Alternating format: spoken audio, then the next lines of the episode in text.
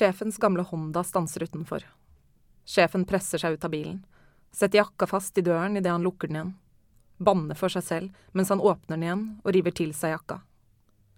Jonas setter seg på huk, krabber inn under pulten og trekker beina opp til brystet. Hallo? sier sjefen. Hallo? Jona, er du her? Jeg vet at du er her.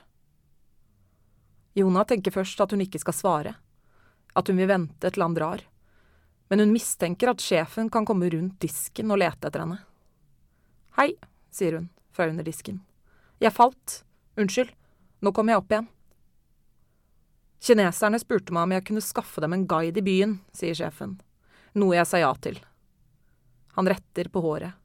Svetteperler pipler ut fra hårfestet. Men fordi vi har så mange gjester for tiden, har det forsvunnet helt meg, fortsetter han. Jona vurderer å kommentere at hotellet sjelden er mer enn halvfullt, og at turfølget er fra Japan og ikke Kina. Men hun vil helst at sjefen skal dra, og skjønner at innvendingene vil forlenge samtalen deres. Så, sier sjefen og hoster, kunne du ha tatt deg med en tur i morgen? Jonas sier at hun ikke har lyst, at hun ikke er en guide, at hun aldri har guidet i hele sitt liv. Sjefen sier at hun må ta seg sammen, kunden har alltid rett, og om de sier at du er en guide, så må du bare prøve deg fram som det. Jonas sier at det strengt tatt var han som sa at hun var en guide, og ikke gjestene. Sjefen sukker og himler med øynene. Bare gjør det, Jona, ok? Han subber tilbake mot karuselldøren igjen. Sålene under joggeskoene skriker mot parketten. Hva skal jeg vise dem, da? sier Jona. Jeg vet ikke, Finn på noe. Det har du da fantasi til. Jona gjør som sjefen sier, og tar turistene med til de fineste stedene hun vet om. Til alle parkene hvor hun går tur med hunden, og til butikken til Erfan og Walid. Hun ber bussjåføren kjøre forbi den første leiligheten hun bodde i etter å ha flytta inn til byen. Forteller turistene om tannlegekontoret hun bodde vegg i vegg med. Turistene lytter konsentrert til alt hun sier, selv om de mest sannsynlig ikke klarer å forstå noe før turguiden ved siden av henne oversetter til engelsk fra japansk. Hun forteller dem om en russer som får ansiktet revet opp av glasskår under et meteornedslag. Hun forteller dem om saltvannsfisk og ferskvannsfisk, og at hun kan snakke japansk. Deru kugi wa utero. Jona føler en viss tilhørighet hos turistene, det takknemlige og oppmerksomme publikum hennes. Hvis dere ser til høyre, kan dere se Slottet, sier Jona. Det er veldig vakkert, syns dere ikke? Nå kom jeg på en morsom historie. Jeg fikk mitt første kyss i parken bak slottet, faktisk. Jeg var 15 og kysset aldri en gutt igjen etter det. Det var under et veldig fint tre hvor jeg noen ganger sitter og leser eller røyker eller bare ser på menneskene som jogger forbi. Den japanske turguiden nøler før hun oversetter det Jona har sagt. Knipsingen fra kameraene stanser i noen sekunder. De japanske turistene ser på henne. Mumler litt til hverandre, før de fortsetter å fotografere igjen. Jona mistenker at lederen for følget ikke oversetter alt hun sier. For turistene ler ikke av noen av vitsene hennes, og de ser ikke alltid den retningen hun ber dem om å se. Men det kan like så godt være at japanerne ikke skjønner humoren hennes, eller at venstre og høyre lett kan forveksles i oversettelsen fra engelsk til japansk. Eller at turguiden ikke mestrer engelsk godt nok til å oversette alt hun sier. Jona peker på et hus. Der bor det en kjent person, sier hun. Knipsingen fra japanernes kameraer intensiveres. Er du sikker på at dette er en vanlig guidet tur, som vi ble lovet? spør turguiden og holder håndflaten over mikrofonen for å dempe lyden fra samtalen deres. Ja, dette er en vanlig guidet tur, forsikrer Jona henne.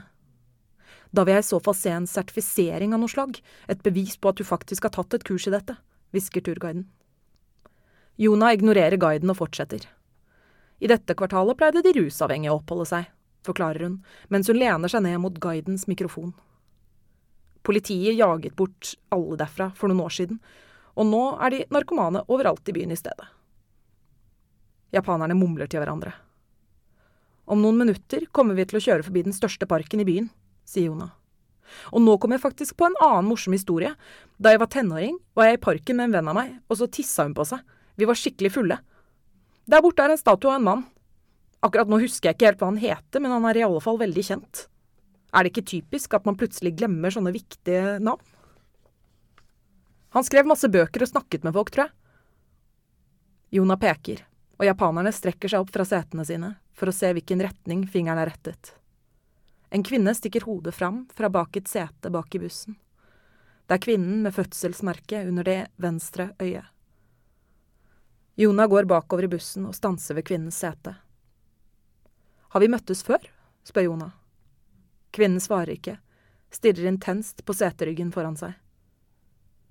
Det er ikke noen vits i å prøve å snakke med henne om du ikke kan tegnspråk, roper guiden foran i bussen. Hun er døv og stum. Jonas sier at hun forstår. Brått får hun det for seg at kvinnen er søsteren hennes, en tvillingsøster fra Seoul. At hun bare tilsynelatende er japaner, det er ikke godt å si. Trekkene tilsier at hun kan være av en koreansk avstamning, syns Jona. Eller kanskje er tvillingen født på feil side av grensen, i Nord-Korea? Kanskje har hun seilt fra Nord-Korea til Kina, havnet i en liten kystby like utenfor grensen og spurt Where am I? Og kineseren som møter henne, svarer noe ikonisk, noe tatt ut av en film som Safe, At Last, eller Home. Og kanskje er det faktisk en film. Tvillingens liv blir til en tredelt miniserie skapt av et amerikansk produksjonsselskap, som vrir på alle detaljene, og avslutter med et nærbilde av tvillingens ansikt til svulstig musikk. Kanskje tvillingen på premieren fikk vekke til live så mange traumatiske minner at hun mistet hørselen. Dette er huset til en venn av meg, sier Jona og lener seg over tvillingen mens hun peker ut av vinduet. Hun er ikke egentlig en venn, mer en kollega. Hun jobber på hotellet, hun også. Hun er veldig flink i jobben sin, men jeg syns egentlig at hun er en veldig kjedelig person. Turguiden oversetter. Jona lurer på hvordan tvillingens oppvekst kan ha vært. Om den ligner hennes egen, eller om tvillingen ble født inn i en rik familie som betalte for en dyr utdannelse i utlandet, eller i et fattig område i Sør-Korea, hvor de fleste koreanere dør på samme sted som de ble født.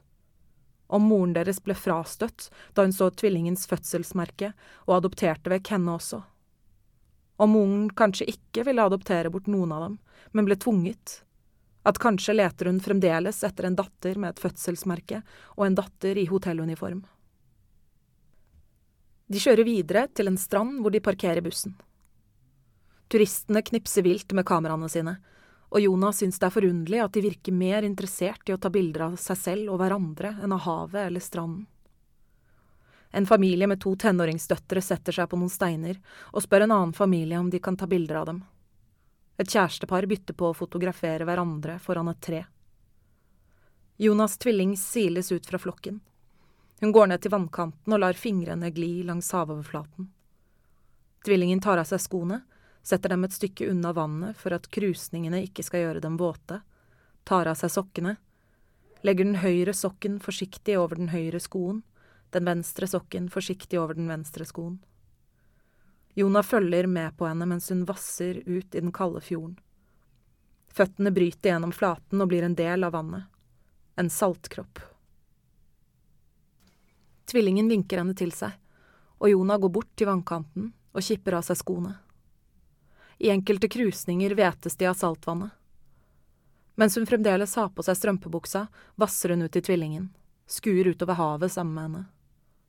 Jonas sniker til seg et glimt av ansiktet hennes, det brune fødselsmerket formet som en liten reke. Tvillingen bøyer seg, fører hånda ned i vannet og henter med seg en håndfull steiner opp igjen. Hun kaster en av dem. Steinen rikosjetteres bortover vannskorpen og spretter to ganger før den slukes av havet. Det vil ta lang tid før den kommer seg hit igjen, vet du, sier Jona på norsk. Tvillingen ser på henne. Øynene smalner, som i et smil, men resten av ansiktet forblir avslappet. Tenk hvor mange år havet har brukt på å frakte den steinen inn mot stranden, fortsetter Jona.